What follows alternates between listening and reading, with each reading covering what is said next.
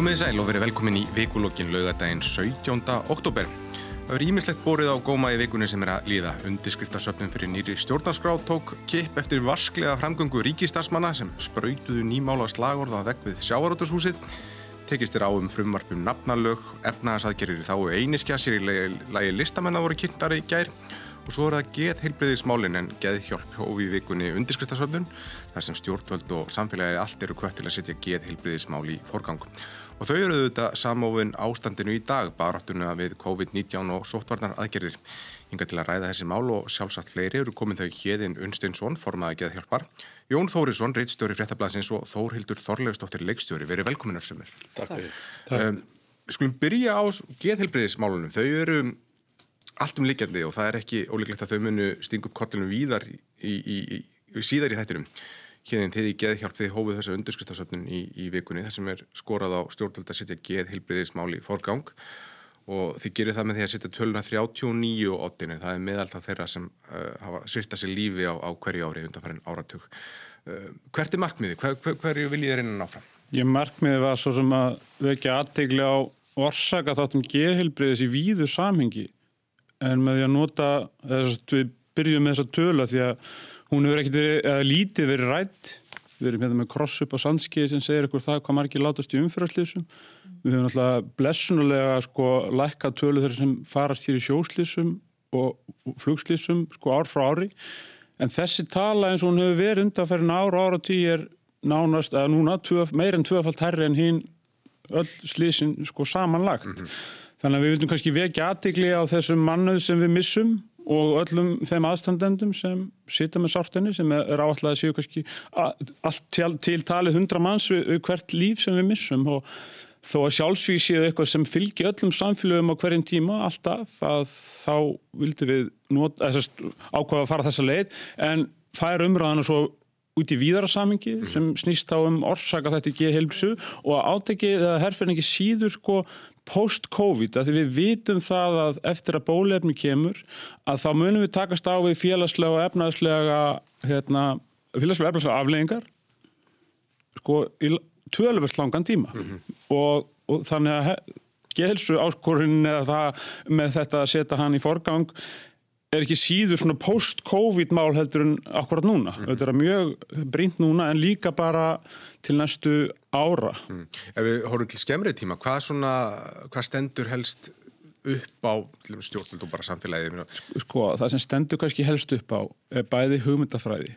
Við erum alltaf að nálgast ennkenu afleðingar, öðrum einn og fyrir neðanfossinn og minna orsaka þettina fyrir ofanfossin mm -hmm. það er svona helst og það við setjum allt okkar effort í raskanir og enginni og það er bara greiningabolganir áhugjefni við erum ekki einum að hafa þar áhugjur Danius Púrar sérstaklega talsmaður saminu þjóðanum réttindi hérna mannréttindi og geðlagnir frá Litáan og gammal samstagsfélagið minn frá hú að veist, það eru fleira og fleiri sem hafa áhugjur af þessu hvernig við 1883 erum með 6 greiningar í dag er þetta árið 600 feimnuróðin í félagsfælni, skiljið það er einhvern veginn allt orðið að einhverju röskun og auðvitað eru við ekki að segja það að við erum að umpóla þessu aftur, bara við ekki aðtikla því að þó að maður fái kvef, að þá er maður ekki kvef. Og þegar það, kemur að gerðskunu þá er þetta svo algengt að menna einhvern veginn búið hennar stimpil þó ég hafi upplegað geðkvörf og með telst til að við lifi í 80 ára þá kannski er þetta svona 9-10% aðeins sem litist af röskunni sjálfri mm. að þá ég 90% funksjónal hérna í stjórnaráðun eða hvar ég er að starfa á ég þá að lita, á þá æfi mín að litast af þessum 10% skiljið, þannig að við, þetta er svona þetta er fjölþætt nálgun sem við viljum meina. Og svo líka fjáraslega, það er 280 miljardar tæpir af þúsunda fjárlögum það er enda náttúrulega 1300 miljardar núna það er 300 miljardar teknar að lána til viðbóta núnastu 4-5 árin sem renna til helbriðismála og af þessum 280 eru 10% rúmlega sem renna til geðbriðismála, beint En umfang málflokksins í heilsinni, bæði á sjúkrahúsum, helsugjastlum og sérfæði þjónustunni, er um 30% áallat. Mm. Þannig að það er augljóst að það vantar á að aðeins að forgangsraða fjármunum betur til GLB-smála og svona viljum við umfram allt reyna að vinna með málflokkin í, í hérna, sem orsaka þátt í, í samflæðinu og við veltum því fyrir okkur hvort að samflæðsgerð okkar og eins og við búum og lifum sé geðhilsu eflandi, er hún það? Þessi rafmagnaða tilvera sem krest viðbræða stöðara viðbráða og, og streytan vex og það er talað um kulnun og við erum konum með heila stopnun hér sem að við veitum ekki alveg hvað passar inn í stopnunarstruktúrin sem heitir virk sem einhvern veginn er að taka og vinna góða vinnu skilju það er svona, það er þetta stóra samiki að, að, og þessi áherslu á það að við erum öll á sama rófi mm. þrátt fyrir að við séum búin að setja og þessi narratífa sko, kom til minn ung konum dæn og sagði við mig, er ég er að ég háti og með ódæmi gera einhver fyrir ekki, hvað heitir þú? skiljið, það, úst, við erum veginn búin að gefa þessari narratífu bara skiljið, svo mikið vægi þegar við ættum að vera að horfa á mennskuna mm. og þá þætti sem ger, eh, sem við um sameila greinarnar á trénur orðin svo margar og það er sem ég kvíði núna við umræðina framöndan eh, er þessi aðskilnaðar umræða kona, kall, þetta skiljið, það er alltaf verið að takast á þessi skilur okkur frá sem manneskjur frá þeim megin stopni mennskunar sem við eigum samheila. Þórildur, þegar ég ringdi því að gera plattaðina þátt á, á veðraðast upp þegar ég nefndi geðilbyrgsmáli. Ég var nú að gera gamni mínu, ég sagði það, ég hef einmitt svo mikið vita á því. bara, en, en mér finnst mjög aðteglur þetta heyran hérinn sem að hann að sko tala um þetta að, að, að reyna að leita að orsökum og svona að, að hann upphafi skildi endin skoða og, og það er spurning, sko, er eitthvað, er eitthvað að gerast í því sem að, sem að skiptir máli? Maður var sérstaklega að hugsa til sko núna unglinga það verður svo margir unglingar vega við eitthvað að stríða sem búið að greina sem þetta eða hitt og ég er ekki að gera lítið úr því. En hann en er eitthvað í, í líf okkar sem að er að kalla þetta fram eða, eða veitu þessu bara betri aðtikli eða eða þólu við ekki frávik? Nei, ég, við viljum bara að þessi viðurkend Já. að málaflokkurinn er óbúrslega huglegar ekkert okkar hefur skilgrind hvað hugsun er. Mm. við vitum ekki alveg hvernig heilin virkar mm. hvernig hugurinn virkar. Við vitum það ekki, það er ekki blóðpróða frapróða röngum, þetta er ekki nokkur leið. Þetta er huglagt mat á huglega ástandi en enga síður höfum við gefið narratífin þetta óbúrslega vegi, ég minni bara það að 1949 þegar landar okkar þá stóðu hérna á Östuvelli fekk portugalsku döðaskurlagnir Nobel-sölnin læknisfræði og vitið fyrir hvað hann fekk Olbjörnsvölunum? Framheilanám eða frontanla bottomíu. Ég bara segi ykkur það að við hristum hausin yfir mörgu því og vel flestu sem hann gert í þessum fræðum hérna fyrir 30-40-50 árum mm. og ég bara, úrst, eftir 30-40 ár er ég vissum það að börnin ykkar og barnabörnin eða eftir að horfa tilbaka og segja áhverju óskopunum gáðu svona mikið af þessum SSA reylifjum eða hvað skiljiði sko, þannig að það er engin endanlega lausn af því að málaflokkun er svo hulaður. Mm. Já, enda við kynna það menn líka svona það sem maður hefur séð að þeir, þeir viti afskapið að bli geðlagnar að það sé í rauninni þannig að menn eru aldrei falmandi í myrkrinu. En enga síður hefur við gert greiningakerfi að valdatæki. Niðurgröðslu jöfnusjós var eftir greiningu með aðtíð hátíu sko. Skil, við erum búin að búa til Já, sko system sem byggist á röskunni frá norminu. Mm. Jón Hefur þú velt þessum málaflokki mikið fyrir? Já, ég er náttúrulega bara, þetta er þetta erfið umræða og svona óáþreifanleg að því hún fjallar um þætti sem að kannski á bátt með að skilja. En þegar að þetta er sett fram fyrir mann eins og hér gert með 39 líf sem við töpum að meðaltala ári, þá sér maður bara hversu reysastór þessi vandi er. Og þetta eru þó bara þeir uh, sem að ganga svo langt að taka í líf. Þá er ekki verið að fjalla um alla hýna sem að lifa í eind og volæði út af uh, alls konar uh, andlegum uh, anmörkum mm. og lifa við slemma geðhilsu. Þannig að oft er það þannig að þegar maður er að fjalla um mál eða, eða ræðum mál sem maður á erfitt með að skilja og átt að sjá, þá verður svona mæli hverja svo sterkur. Mm. Og ég bara vil nú nota takkifærð og rósa geðhjálp fyrir það að stiga fram og vekja aðtikla þessu. Uh, eins og við þekkjum þá hafa geðhjálprismál verið aldrei feimnismál og um, og jável sko þeir sem að þjáðust af keðsjútumum uh, eh, upplifið einhvers konar skömm og allt þetta er þeirra. Og sem betur fyrir er það nú aðeins að gefa eftir og þó að ég efist ekki um að ímyndilegt sjóinni í þeim öfnum um, Það verða þær breytingar núna um, um næstum áramóta að sálfræði þjónustu, hún á að vera niðugriðt skiptir þetta miklu máli? Það, það, það gerir það en Ég held að fjármálrónandi hefur ekki ennþá útfært það hvernig ég að fara að þessu þannig að við skulum nú býða að sjá. En ég tel að þetta vonandi gerist en þetta skiptir jú miklu, miklu máli. Mm, uh, Við skulum fara yfir í, í næsta mál sem eru uh, já, öllu heldur fyrir ekki ég tappa aðeins það er mér langa að setja þetta aðeins í samhengi bara við ástandi í dag, það er að segja sóttarnar aðgerir COVID og farin að koma hérna svona farsóttar þreita eins og talað er um og hérðin takið þið hjá geðhjálp eftir því að róðurinn sé eitthvað að þingjast í þessum ennum? Ég vil það tökum bara fyrst og fremst eftir í makromyndinni þessu tókströtu millir frjálsvilja mannskeppnunar og almanna heila hins vegar. Þetta er verkefni lögjans og hverjum einstu deg, óháð COVID eða ekki. Mm. En núna höfum við tekið þá ákvörðun sameigilega, vonandi sem mest, sem samfélag að láta sóttvarnar lög og sóttvarnir ráða og hilsu og, og þetta veitum við því aðdegli að, að það er svona, svona tókströtu um þetta. Mm.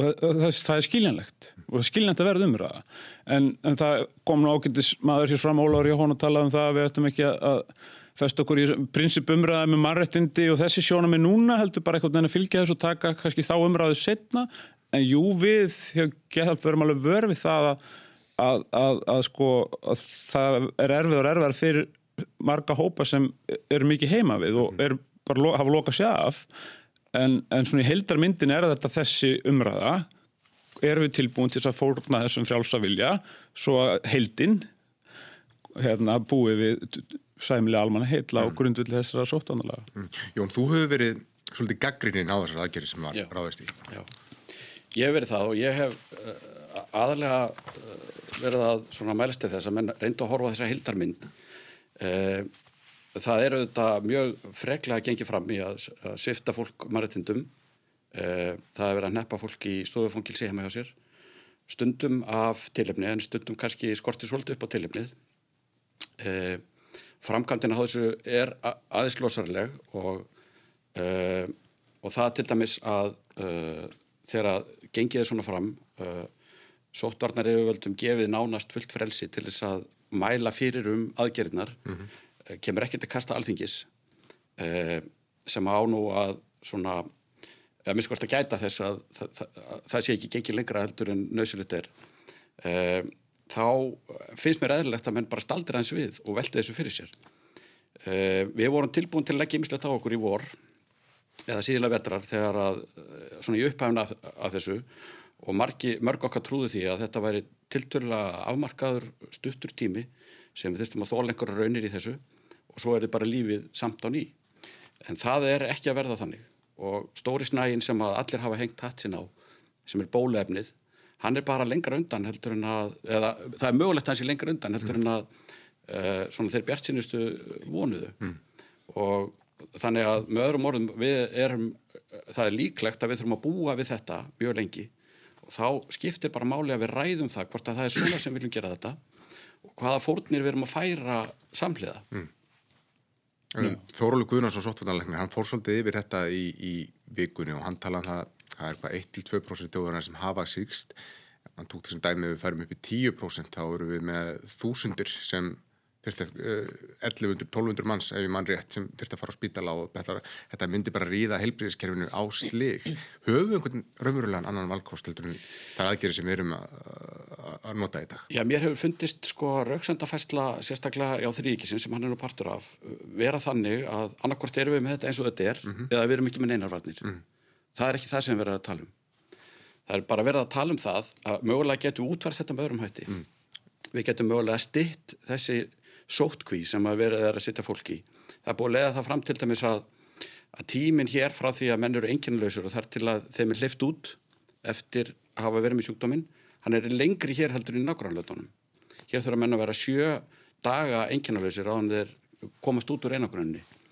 Uh, uh, það er svolítið á reiki uh, hvað gerist ef maður hittir mann sem að síðan reynist síktur. Mm hversu lengi þarf ég að hafa verið og hversu nálagt átti ég að, eða þarf ég að hafa verið honum til þess að ég sé bara munstræðir í sótkví um, og þetta er allt saman svona þókukent og ég vil tilvíluna kent ég veist ekki um það, þetta fólk er að vinna goða vinnu og það er að reyna að gera sitt besta.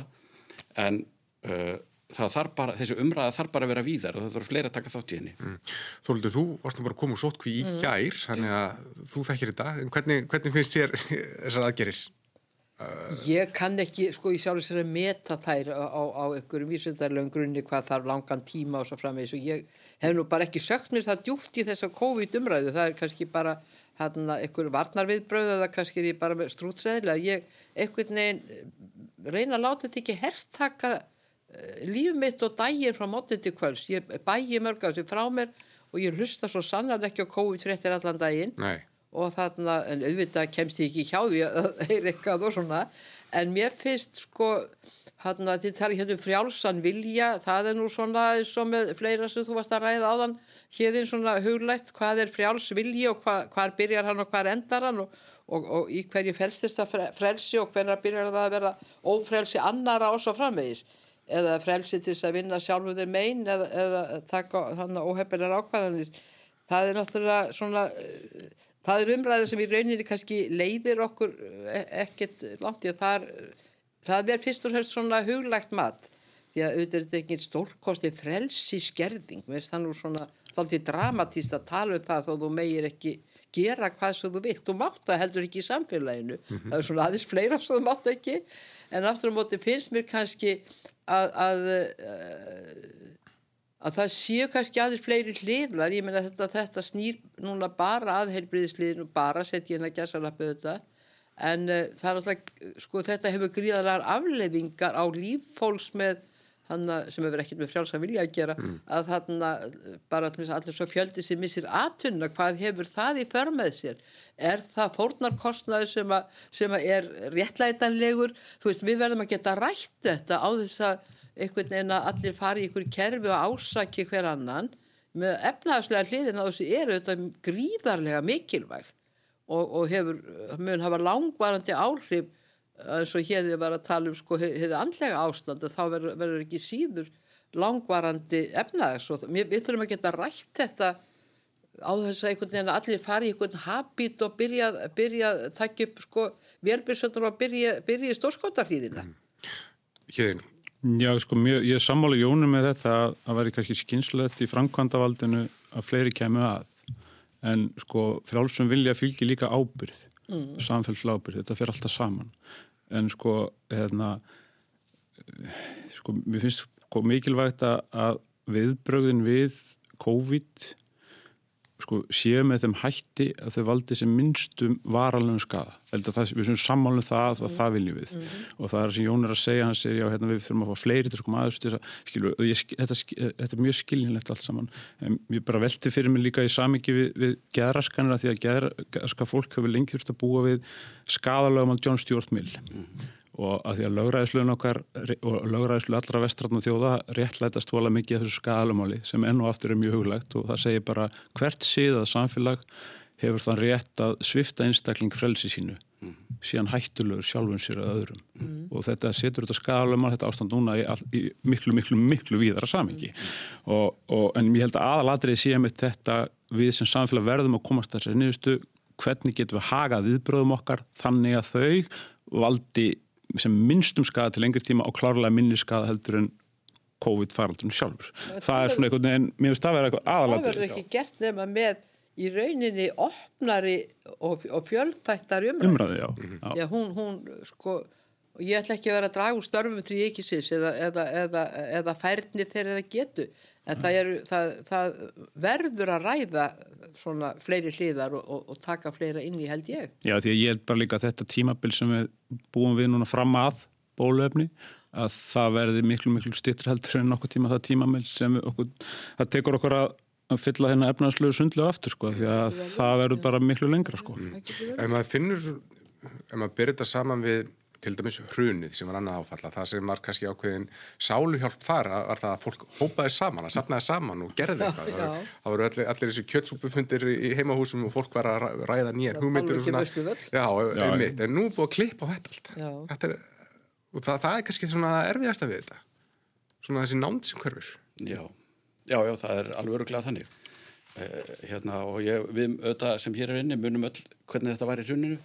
Það sem er ólíkt núna er það að við erum ekki reið sko, við getum við, allavega það er enginn svona sem við getum beint reið okkar aðeins nema verunni Já. en í rauninu auðvitað þá munum við hvernig það var. Reiðin svona beintist að stjórnvöldum beintist að þeir sem hafi verið svo öfnir að vinna í banka og svo framvegis. og svo óhefna vinn í banka það er rosalega óhefni rökuðu sama pí og, og fórum með þetta um tilfinningi var líka bara þessi að, að það var ákveðin, stóra hópnum fannst bara ákveðin minni hópar hafa vita ákveðin hlutu og ekki sagt húnum frá því. Já, já. Og, farið, og farið með eflaha okkar eins og þau síndist Já, svolítið þannig. Já, en það var allavega einmitt útrás. það er erfitt núna að finna, finna útrás. Nú geta menn ekki farið og beint reyði sinni að neinu sérstökum. Nú við bara að fara í innrás. Já. en en hvað, til ráða? Hvernig á fólk að... Við verðum alltaf að taka þetta bara skref fyrir skref Já. og reyna að tilhengu okkur svolítið viðbraksþurð að bregðast við færri hlutum og þó við bregðumst við þeim inn í okkur og Já. þá þurfum við ekki alltaf að setja það í orðið aðtamnir og, og líka bara þetta að nota þessar tæknilausnir og alltaf þessar Zoom og Teams og allt þetta dótar í sko og, og muna að þetta er tímabundið ástand Já. og þetta er ekki, sko ég er alltaf að hugsa um 1809 þegar Jörgen Jörgensen syndi þetta inn í faksaflóðan og lýsingarnar hjá breytunum á því þegar Íslendingarnar koma móts við skipið og Jörgen verður náttúrulega setna þessi hundadaga konungur og allt það, að lýsingarnar á Íslendingarnar sko eru æfintilega, það er ekki bisnar og ég hugsa bara hvað, hvað er breyst? Jú, við erum efnari, við erum í betri fötum en við erum að hluta til svolítið alveg, ekki jafn valmáttu en allavega sko bara minna okkur á hvað við höfum það anskoti skýtt hér um aldir alda og, og muna að bara að þetta líður hjá og, og hérna við erum með 80 ári með ljós í þessu efni og við setjum tilvist okkar á 100 ástára tímalínu þá skiptir af okkar ekki svo óbúrslega miklu máli og því hérna er kannski svolítið búin að koma erða efninu áfram og þannig að skilju það, það er þessi stóru luti sem maður þarf að minna sig á. Svo líka, mér, mér finnst sko það er kannski meðan þess vegna sem ég er svona sniðgengt aldrei eða leiði hjá mér aldrei þessu umlega, mér finnst hún stundum vera aldrei yfirdrifin. Þetta er sko ég minn eins og hér á landi það sem að jú, jú, auðvitað er þetta erfiðleika nú verður maður að gæta á það sinna sko. En, en þetta er tímabundi og þetta er ekkit voðalegt. Þetta er sko, ég meina en sko það Við sem skulum bara aðeins muna sko móðuharðindi og, og, og en það- þjóðarinnar og allt þetta, ég meina þetta eru tímabundir erfileikar og mér finnst ekki við um að gera svo mikið úr þeim að, að það sé bara að annaðis hafi ekki dunið við manginni. Nei, það þarf bara að muna var ekki 1918. Nei, við þurfum líka bara að muna það, það sem hugsaður um að það vex. Og við erum með sí endur tekna sípilu hérna sem ramagnaða ég veruleika. Er og fréttatíma búm, búm, búm, búm og eldra kynsluna alltaf horfa á þessa fréttir. Og eilíflega fer í hugsun þeirra sem leiðir í hefðun þeirra þetta sama stef en undir niður í hugsun og hefðun er eitthvað, vitund út í náttúruna, gera eitthvað annað, slökka á þessu. Þú þarft ekki að hlusta á fréttinum að kannski einu svona dag- einu svona dag er alveg nóg. þannig að við erum alltaf hugsandi um COVID þá bara verðum að COVID. Ég veit það, það er svona, mér finnst það, ég held að það sé ekki bundið við eldri kynnslóðuna. Mér Nei, fyrir- bara, nei. nei, það eftir, ég tek þetta ekki næri mér, en ég held að sé bara ekki, ekki rétt, ég held að, að það er einhvern veginn, dagskipanir er að hugsa um þetta frá mótum til kvölds. Ég held að Gerður Kristný í Ritthundur að skrifaði um, um hérna gleymdu list að yftastundum öxlum. Já, en við skulum já. fara yfir í einmitt aðra salma sem er nú nýja stjórnarskráin. Það er nú aldrei fólk, fólk sem er eldhitt í, í þeirri umræðu. Það tekist á nýja stjórnarskrá, stjórnarskrár félagi, það hefur staðið fyrir undirskriftasöfnum, þar sem þessi krafist að alþingi virði niðurstuður þjóðaratkvæðagræslu frá 2012 og lögfesti nýju stjórnarskrána. Katrín Jakobsdóttir fósættaris ráð þeirra, hún hefur búið breytingar á, á núverandi stjórnarskrá og er með í pípunum nokkur frumvörp um breytingar á stjórnskipunarlögum. En þarna tekstum sé á þessi sjónarmiðum það hvort að eigi bara skiptum allar stjórnarskrána í einu vetfangi eða gera afmarkaða breytingar. Og Jón, þú varst nú með, með leiðara bara í fréttablaðinu morgun en við vitum, vitum nokkur nefn hvað þér finnst. En, en þú, þú ert ekki hlindur því að við, við, við skiptum henni ba- bara út komplett? Nei, ég er ekki lindur því. Uh, ég, og ég færi fyrir því raukilegaranum að við náttúrulega höfum búið við þessa stjórnarskrá sem að vissulega var aðlöguð frá uh, dönum og ber þess auðvitað merki. En það er búið að mark prófa hana fyrir domstólulandsins og tólka öll ákvæði hennar þannig að það er nokkurnu einn ljóst hvað í henni stendur við þar aðstæðu sem upp hafa komið þegar það hefur reynt á hana. Hættan er svo ef við förum að tökum bara nýjan texta og, og gerum hana stjórnarskrá að þá erum við svolítið komin á byrjunarreit með öll ákvæði hennar. Og það er eftir að koma upp aðstæðu sem ekki sáust fyrir þegar textin var samin sem að þarf þá að leggja stjórnarskrána einhvern veginn grundvallar, einhverju túlkun hvaða eh, hver, hvað er stjórnarskrána að segja okkur um þetta eh, eh, og þess vegna er ég að benda á það að það eru atriði sem að mér finnst að það sé tiltölulega góðu samhljómurum að þurfa að breyta í stjórnarskráni Það eru atriði sem varða kannski í öfnun atkvæða, það eru öruglega einhverjar á móti því. Það eru atriði sem að varða auðlindir, það eru öruglega einhverjar sem hafa skoðun sín á því og, og, og þær síðu þjóðarhegu. Uh, og það eru atriði sem varða umhverfsmál mm. og ef við tökum nú bara á þessum atriðum og tvö þeirra hefur fórsættisráður að nefnt, hann ætla að beita sér fyrir, hún ætla að beita sér fyrir að, að leggja fram þingmannaförum uppum á, í lókjörðjöfambils, þá uh, finnst mér það miklu farselli niðurstaða mm. Í byli og svo heldum við bara áfram. Það búið að marg breyta þessari stjórnarskraf sem við búum við. Mm. En talsmenn þessari nýju stjórnarskraf höfumdu bara benda móti, já en það var haldir ráðgjöfandi þjóðaratkvæða greiðsla 2012 já. og þar var það bara samtíkt að þetta ætti að vera dröga nýri, nýri skraf. Já. Þannig að þau, þau rauk hljóta vega. Já, þau vega alveg ruglega og ég ger ekkert lítið úr þeim sko. Mm. En ég bendir reyndar á það þarna að, að það var fremur dræm þáttaka í kostningunni. Mm. Það ger ekki lítið úr kostningunni, það ger ekki lítið úr niðurstöðinni. Hinn er bara, hafið annarkvæmt ekki áhuga eða, eða eitthvað, ég veit ekki hvað þeim gekka eiginlega til, en þeir mættu allavega ekki. Og, og svo er hitt að þetta var ráðgefandi. Og auðvitað má líta á það sem einhvers konar... Uh, já, að það sé verið að taka tillit til þeirra ráðgefandi niðurstöðu að nú stendur til að breyta einhverjum ákvæðum stjórnarskrárunar mm -hmm. og þau ákvæði eru nú bara sambarlega við þau sem að lögður fram í þessari tillugu stjórnlagaráðs en en uh, þetta er vonum setna það hefði mátt gerast fyrr mm. en það er þó allavega gott að það hefði komið á, á dagskrá og vonandi verður af því mm. Þóruldur, finnst þér að ég samþekja brauin eins og þau voru lögfram? Ég hef aldrei haldið fram að þetta samþykja þau óbreytt, þetta er ekkit meittlaði stein en, en, en það er náttúrulega sko alveg svo var ég náttúrulega í stjórnlaðaráði sem að skrifa þetta frumvar mm -hmm. og það náttúrulega það er stundum alltaf erfitt að bæta gamla flík það var auðvitað upphaflega ætlunin en eftir því sem að áleið þá, sko, þá var það líka að halda samhengi í, í því nýja og, og það er ekki þar með að það var sko ekkert öllu kastað úr, úr, úr þeirri gömlu. Og, og, og það er ekki bara hún hafi verið dönsk held og var hún bara stopnið til frá 1835 og það er sko þá búum við, við hérna, einveldi í, í, í Evrópu þannig að þetta er nú svona orðið ansir slítinn flík. Og ég vil bara benda á meða líftími stjórnarskrá í heiminum er fimm ár. Þannig að önnurlönd skýrast nú ekki við að, að gera endurbætur og breyta og sumstaðar hafi verið skrifað alveg nýja stjórnarskrár og hún hefur nú ekki duga betur en það með sundanfarið að það er æg algengar að farið sér með mál fyrir margættadómstólinn einmitt meðal annars vegna þess hvað, hvað sko, ákvæði eru, eru veik og, og þarna sko, svo kemur við að líðræðislega þættinu sem er náttúrulega alveg furðulegt hvernig búið að sniðganga og þetta er náttúrulega, mér finnst þetta ásand kannski með Írakmálinu sko að, að líðræði á Íslandi hafi alltaf beði verið nekki heldur en hvernig, hvernig stjórnmálamenn hafa hagað sér gagvart, og það var ekki dræm þáttaka þáttaka í þjóðaraðkvæða greiðslu sem er til 50% það er ekki dræm þáttaka og, og svo í Breitlandi það sem er 2% munur þá bara dettur mennum ekki hug annan að fara eftir til ráðgefandi niðurstöðu, hún var ekki bindandi heldur. Í brexit-málunum þarf að segja. Já, í brexit-málunum fyrirgjöður og það, var, hana, það voru margir sem létt sér detta í huga þegar þið bara halda nýja þjóðaratkvæðið það var greinlegt að þetta var mest að vandræða mál. En ég menna að jafnveg þessu voru mjög fylgjandi því að vera í Európa-samband það kemur ekki til greina það er búið að halda þjóðaratkvæði greiðslu við getum ekki að endur tekið hana. Ef okkur fellur ekki nýðustöðan þegar þeir virða líðræðislega nýðustöðu sem líklega stór meirilutu þjóðurna núna er mótfallin. Mm. og, og, og þetta er bara til skammar hvernig menn hafa hagað sér.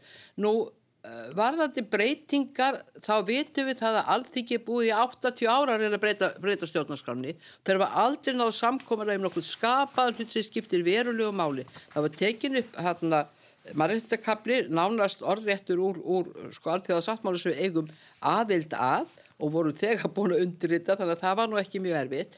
En það er búin að takast á um allt sem að hana, það bara hefur aldrei búin að vera stjórnarskan nefndir í gangi allan þingtíman, það hefur ekki gengið og ég hef ekki trú að það myndi takast núna frekar, frekar en áður. Og við erum að muna það að þetta er ekki mál alþingis, þetta er mál þjóðarinnar, þetta er sáttmáli þjóðarinnar en ekki hvað alþingi þóknast að skamt okkur. Mm. og þetta er bara hérna og það er náttúrulega stjórnmálum að kenna hvernig þessi mál eru komin bara í einhvern hnút. En mér finnst þetta aðteglisvert að þegar þeir asnast þarna út og, og, og þurka út þessa hann að hverju nýja stjórnarskráin þá bara tekur undirskrifta söfnið því líkan kip, það er greilt að fólki blöskrar og sér í þessu einmitt þennan yfirgang eh, framkvæmdavaldsins bara þólir ekki og, og, vald þess mun svo sannarlega skerðast ef það kemur til hana, að þessi, þessi draugverði mestur leiti samtíkt þá mun framkvæmdavaldið skerðast mjög þar að segja vald ráðherra og það er ekki bara auðvindamálun og, og jöfnir atkvæða við þurfum líka að fara að huga vandlega hér að spillingarmálum og kríkumálum mm. og, og alls konar sko, mjög ógeðfeldum málum sem bara rýða hér húsum og, og, og það vantar allt í núverandi stjórnarskráum upplýsingar um eftirlitum um opið stjórnkerfi og, og svo framvist. Þannig að þetta er bara gamaldags stjórnarskrá, hún er úrell. Mm.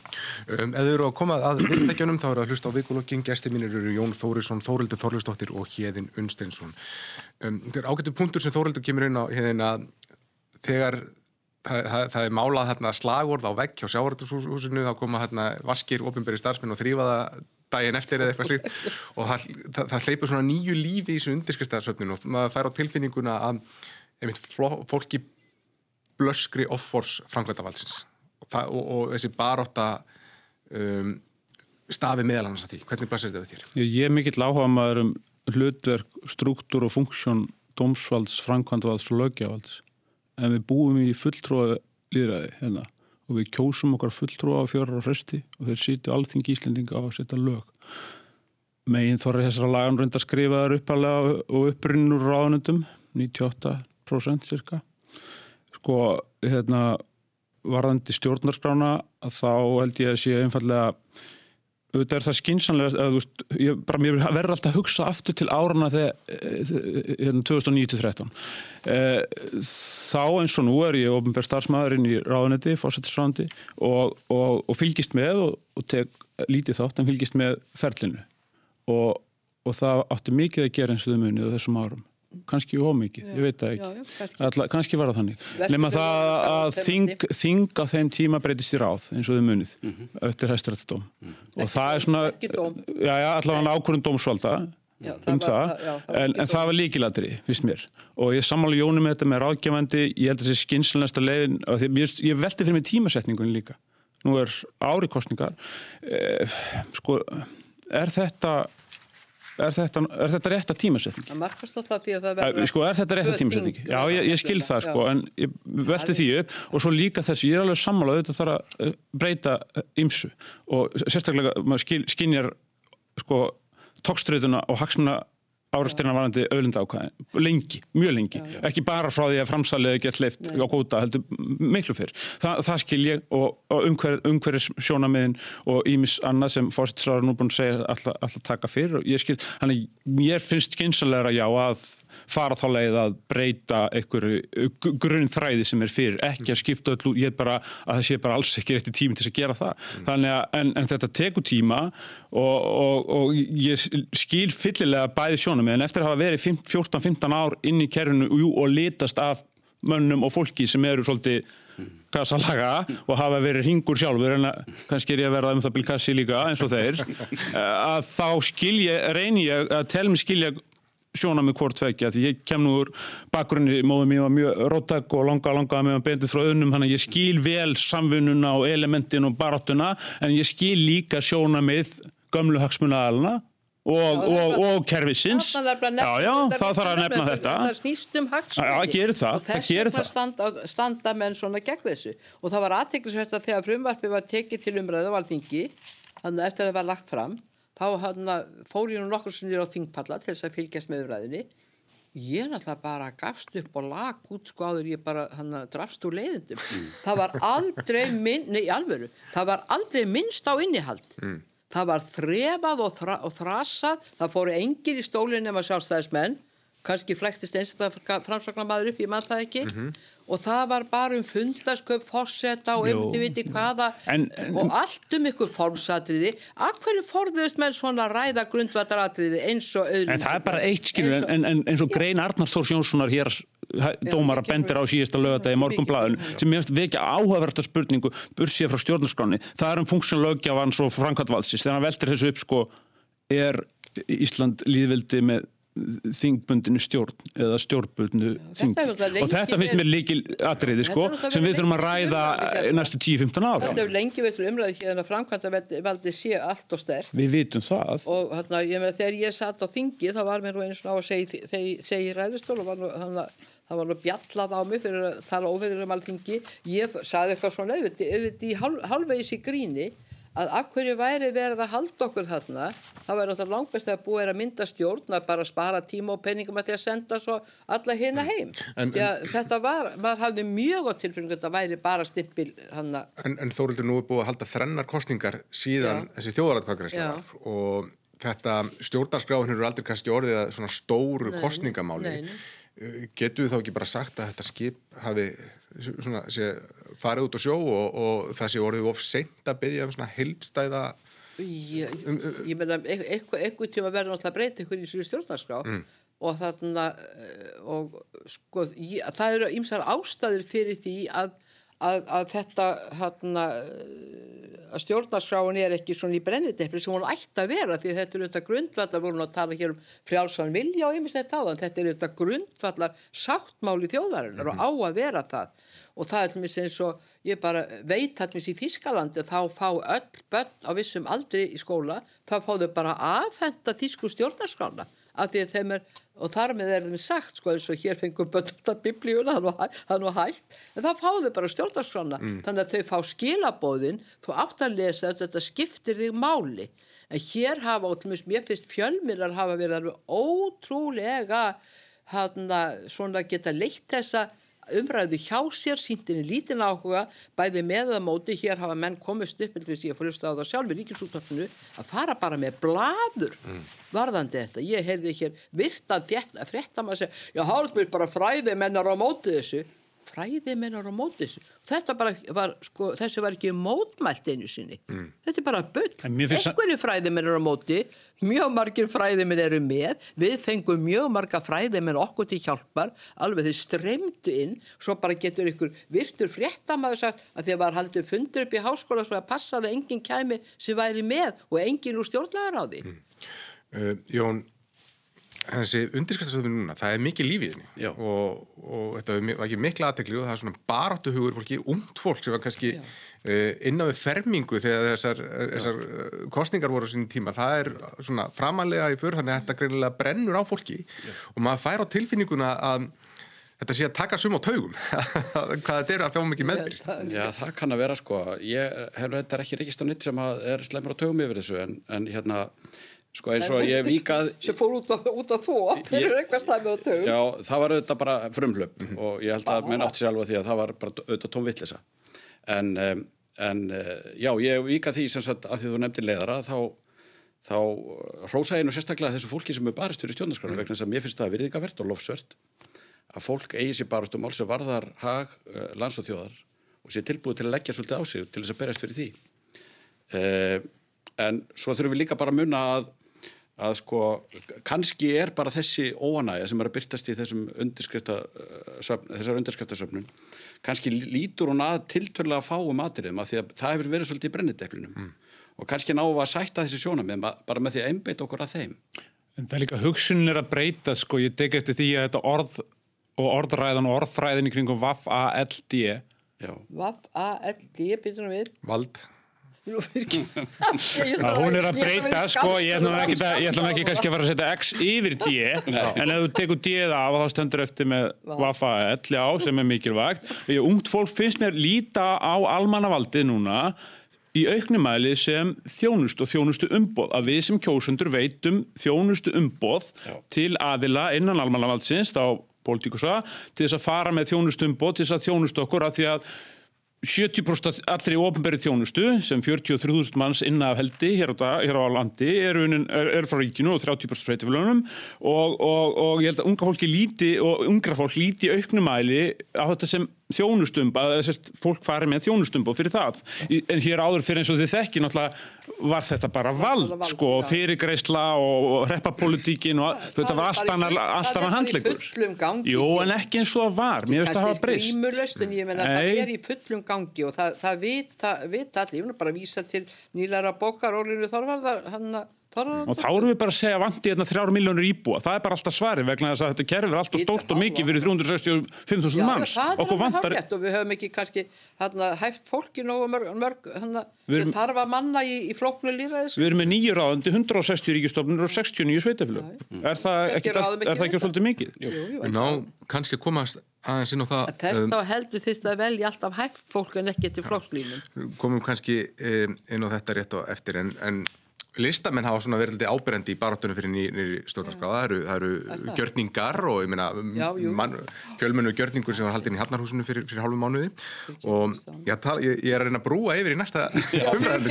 Góð tenging, en er góð um listamenn því að, farsóttin hefur náttúrulega bitnað mjög illa Já, á já. listamennum og leikúsinu eru loku tónlistamenn ekki það komið fram og en í gær þá kynnti ríkistjórnin nýjar aðgerið sem eiga að nýtast einirkjum sérilegi listamennum og svo sem rekstrarstyrki tímabundin bundin hækkun starfslöna, vitundavakningu, mikilvægi list á menningar og stopnun sviðislistamiðstöðar og tónlistamiðstöðar. Þóruldur, hvernig líst þér á þessar aðgerið? að svo miklu leiti sem að maður uh, sko tekkir þetta ég ætla bara að sá þetta í svona sjónvarpið svo aðri landsmenn og þetta er náttúrulega uh, augljóst eða vonandi leysir vanda margra sem hafa náttúrulega eins og þessi könnum BHM skýrði síndi þetta er náttúrulega alveg gríðarlegt tekjutap og var þetta nú ekki háluna fólk fyrir?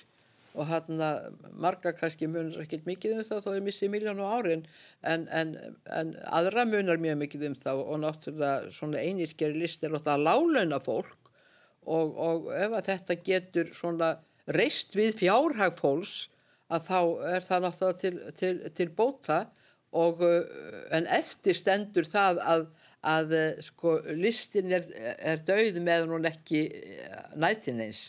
Og, og það er náttúrulega með að við höfum samkomuband þá, þá, þá leysir í sjálfu sér fjárframlega til listamann ekki, ekki, ekki þann vanda.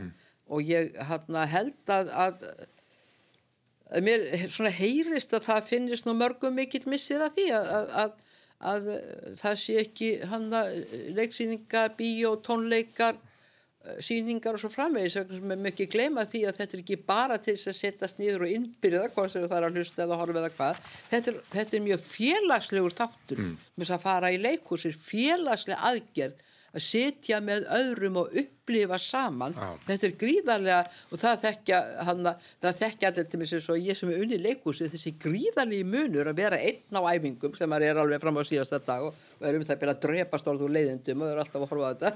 Nei, nei, ég er að hluta en svo allt í henni kemur fólk í salin þá bara gerist eitthvað undur. Já. stundin gerist það ekki og engin veit af hverju og leikarnir sitja og klóra svo sem byrja af hverju gerist ekki neitt? Þetta að upplifa saman er manninu gríðarlega mikilvægt. Og, og, og því vorum við að tala um einangrun áðan í sambandi við COVID og af ímsum öðrum ástæðum að þá held ég að þetta sé rosalega vannmetið þessi eða við hugsum ekki nóg um. Mm. sko þe- þetta að upplifa saman uh, hugsanir, tilfinningar og, og samhug Já, ég heyrði- einbyttum okkur öll að ykkur að sama Já, ég heyrði nýjerðið jólatómleikar í um daginn að það svona myndi ó, ó. Já, En Jón, uh, listamenn hafa lengi verið að kalla eftir Já. því að bara þessi úrræði sem voru kynnt í voru að þau bara næðu ekki við þá Nei, um, Ég er þetta nóg sem við verðum að gera núna Já, mér sýnist það nú. Ég, að, auðvitað, hérna, það er erfitt að meta það á þessum tímapunkti, en það er allavega til þess fallið að, fleiri, að þetta náðu til fleiri. Og, og það er gripið til þess vegna þess að þessar aðgerði eins og þú segir.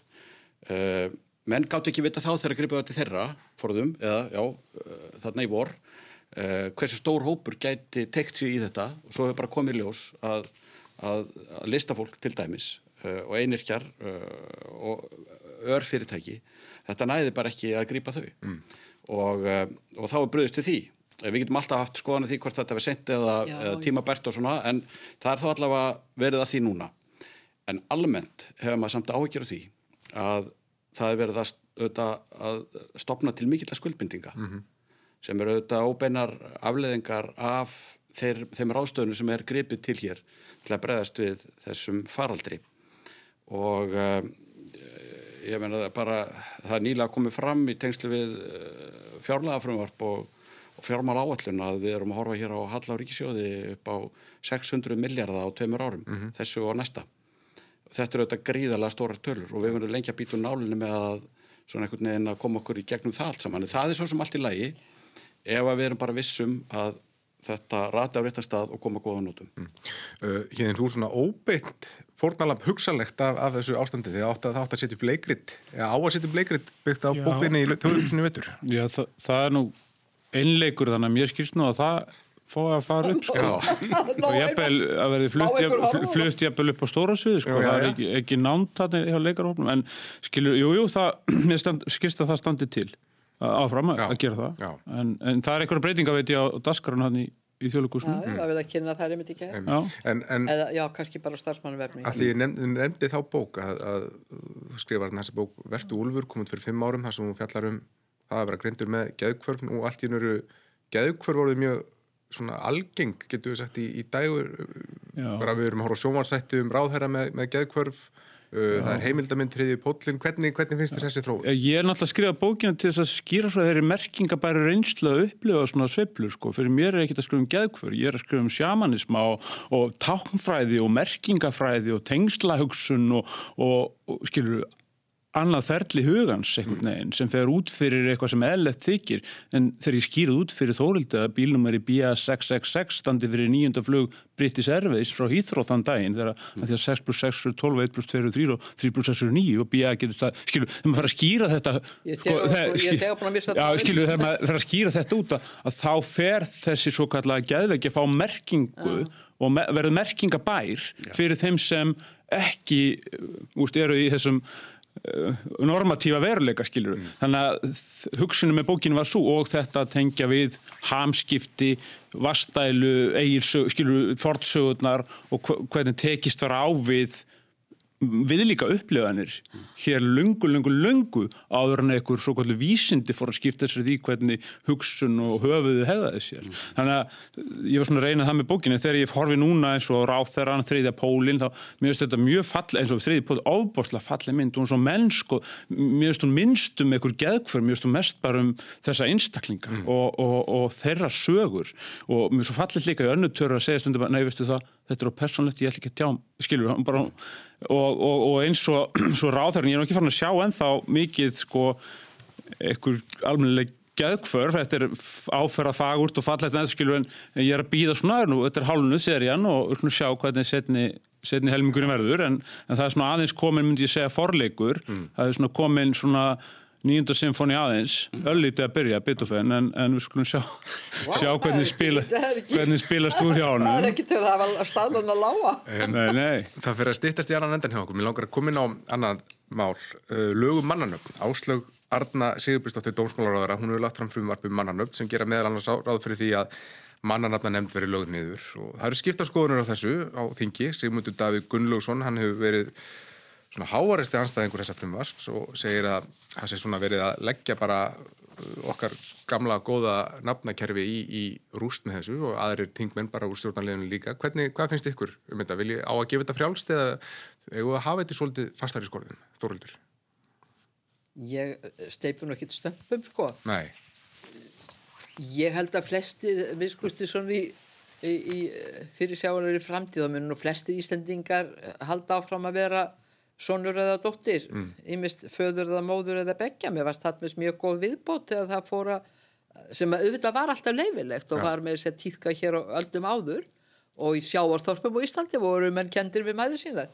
Þannig að mér fannst það góð viðbót þegar það fór að verða svona en, en að við förum að, að taka upp sko hann Háfdal og Steindal og, og, og og eitthvað. Ég- vinur okkar tóknu upp hann nafni Hófjátt, þá var hann að styðja Kristján Eldjátt í, í, í fórstakostingum Okay. Nei, nei, þannig að ég, ég, hérna, ég held þetta mun ekki breyta neinum óskupum en hitt er svona mál að maður hugsa stundum þegar maður sér þessu nöfn sem að, ef við erum að velja, ég veit að það er spekku þá hugsa maður stundum, guð minn góð, það verið betra að manna nafnum nefnd og er stærri og virkari.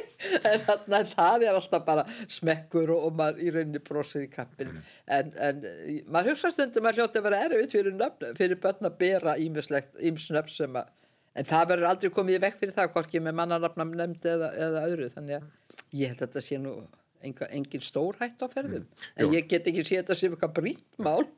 Nei, en ég sko, í prinsipinu er það brýnt sko að, að auðvitað hérna, eiga menn að geta bara ráðið því hvað þið skýra börnin sín eða hvort þið takja upp nafn eða fellir niður nafn eða hvernig sem það nú er. Það er hluti af einhvern veginn manni sjálfur, það er, það er hluti af uppeldist hlutverkinu einhvern veginn að móta einstakling, uh, siði og vennjur og hefðir og, og hérna og, og, og þar með líka kannski nafn og auðvitað bara uh, það, það er svo bara misjátt hvernig fóreldur tekst að rækja þessar skildur sínar og, og hérna fóreldrar sem velja barni sínu nafn sem áttur að vera það í byrði það er auðvitað svona bara þá einhver vísbendingum að það, það, getur mögulega verið eitthvað fleira sem að ekki hérna er í lægi og, og, og það er líka mikilvægt að menn átti svo því að þó að mannanabn nefnd hafi verið löðið niður þá tekur við bara þjóðskraf sem að gætir þess að það verði hérna, það fari ekki eitthvað úskeiðis í þessu.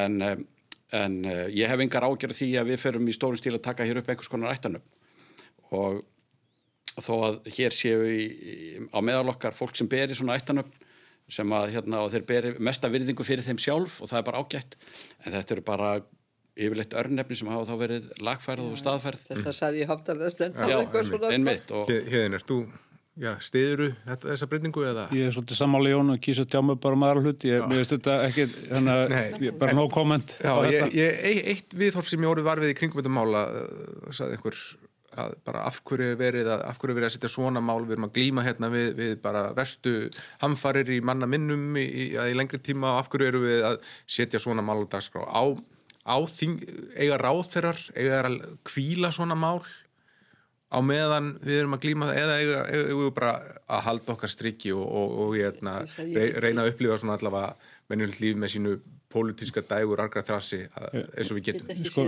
mér finnst oft bara að daskra og löggjafans og framkvæmdavaldsins fara ekki saman. Mm.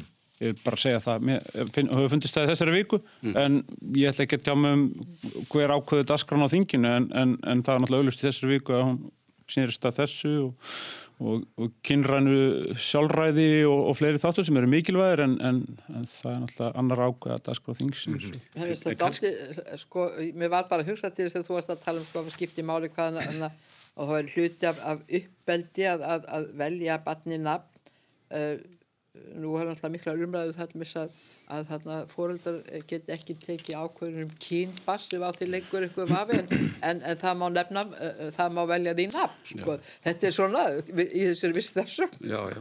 Nei, en kannski er Kannski ættum við bara öll að fá að skipta, sko ættum við 16 ára aldur eða 18 ára, þau er, fáum sjálfræði, þá bara þann dag mættum við breyta nafni við vildum. En mér fannst kannski mikilvægur að fjalla til dæmis um álitsgerð fjármálráðs á fjármálaállun og fjármálastefnum sem endur speklaði sem Jón var að segja hér áðan vegna þess að það sem horfum fram á er gríðaleg skuldsetting ríkisjóðs á næstu 3-5 árum. Uh, 300 miljardar að meðaltali svona ekstra við þau fjárlög sem við búum við sem er um 900 miljardar uh, sveitarfélagum standa gríðalega illa, mörg mjög illa og er að koma með betlistað til ríkisins. Við deilum þjónustunni 70-30 Skandinavi deilir 50-50 og ég velti fyrir mér hvort að þessu samfélagi verði ekki betur borgið með jafnara samtali eða jafningja samtali millir þjónustustíðan að tveggja í framkvæmdavaldinu, ríkis og sveitafélaga með miklu stærri sveitafélagum og færri og öflugri til þess að geta verið í jafningja samtali við ríkisvaldið og að þjónustunni skipt 50-50 en ekki 70-30 eins og nú er. Og það, það eru tækifæri núna næstu árum í vegna þess að það verða, þurfa að verða breytingar að ég sé það bara ekki fyrir mér að svona litlar skipularseiningar geti þjónusta íbúana og annað það að þjónustu þörfin mun fara upp og þjónustu getan getur mögulega verið á niðurlega vegna, þessa, fjár, vegna fjárskortsins og þá verða mjög margir, mjög margir sem þurfa að aðlaga sig breyttu þjónustustíði og breyttu, bara breyttum veruleika. Og það er það sem að mér finnst að við ættum að vera að ræða en, en, en, En umfram allt þessar litlu hluti sem eru sem annan gífurlega. Þeim hefur ekkert fækkað alveg gífulega, jú, þeim hefur fækkað um frá 292 til 69 núna, Já. en það eru ennþá hér sveitafjölu með veit það, 75-90 já, manns með, með ég 100 veit miljónur í skattatekjur á kárnjúkum og fleira og þetta er bara alveg galið þegar er alveg sveitafjölu og þjónust og sveitafjölu komið í farsímaðin. Er Það er sammála. jarðarbönn trosnuð. En heldur þetta ástand muni flýta fyrir, já, fyrir um saminningu, það á að saminu Það ætti að gera það það, verður en við skulum bætt að aðtúa það að það er eitt ár í Í skulum- Kosningar, það- Við getum spurt okkur á því, þar meiri einhvern veginn kvartningu af hálfu ríkisins til þess Það eru 19 miljardar núna í kvartningu. að, að, að, já, til þess að sveitafélag þessi skilir til með stækkun og sveitafélag Jú, en 78. grein stjórnarskrá, svo koma henni, hveður á um sjálfráða sveitarfjölög, en svo kemur aftan á þá setningu, en þau, en þau sko samt ákvarðaða af lögum Ég og nú að breyta með það lög það ég að segja. og við erum hér að, rækta okkar 73. grein stjórnarskrá sem er tjáningarfælsið, þannig að auðvitað stjórnarskrá er mikilvæg, en, en það blasir við að skinsamlegast væri að hafa miklu stærri einingar og það væri jafningi samtali við ríkið. Já, það er nú bara í gangi um saminningu já. og, og hérna sem að menn ætla að gangi yfir í einhverjum skrefum þar sem að er svona þvinga saminningu. Já. Við sjáum dæmum til þessu Austurlandi þar sem að nýjórðið til sveitafélag sem að langar að heita held í Múlaþing Uh, þó að það sé ekki búið að staðfesta endarlega og, og, og þannig að ég hef nú trúið því að þetta muni gerast. En varandi mannanafnu nefnd og lögum hana það er til frábært lag sem með Memphis Mafíunni sem að heitir hérna mannanafnu nefnd, það sem spurt er sko geta menn bara fengið að heita hvað sem er, má maður heita inni skor Abason? Uh, það, það, við þurfum ekki að ágjöra því og ég held að sé ágætt að löggjafin hafi einhver mál önnur heldur en þessi þungu og stóru til að kvíla sig örlítið á Tíminn er alveg að hlaupa frá, frá okkur, ég ætla rétt bara í lokinu að spyrja, hvað, hvað ætlaði að gera um helgina hérðinni? Ég ætla að flytja stein.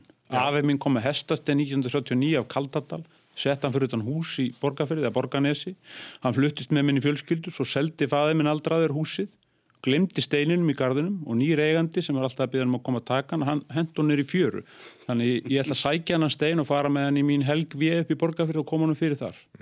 Hann er mikilvægur þessi stein. Já, Þórildur. Jóta nýpengis frelsis Jón, hvernig lítur helgin hjá? Já, ég er að vona að við erum bara ágætlega þetta gönguferða og ég Já, ætla að reyna að sinna því svolítið það og, og reyna svo að, að njóta bara þessara helgar eins, eins og mögult er. Já, ágætt bara við hitta líka svona, ég, meina, ég var í burt í þrjár vikur og svo er ég viku í þannig, ég bara hlakka til að geta hitt ykkur og svona vinni og, og fjölskyldi og Einmitt. Við sp sprittum hendur, höldum segjametra reglu. Kæra þakki fyrir komuna Híðin Unnsteinsson, Þórildur Þorleifsdóttir og Jón Þórisson og góða helgi. Takk fyrir leiðis.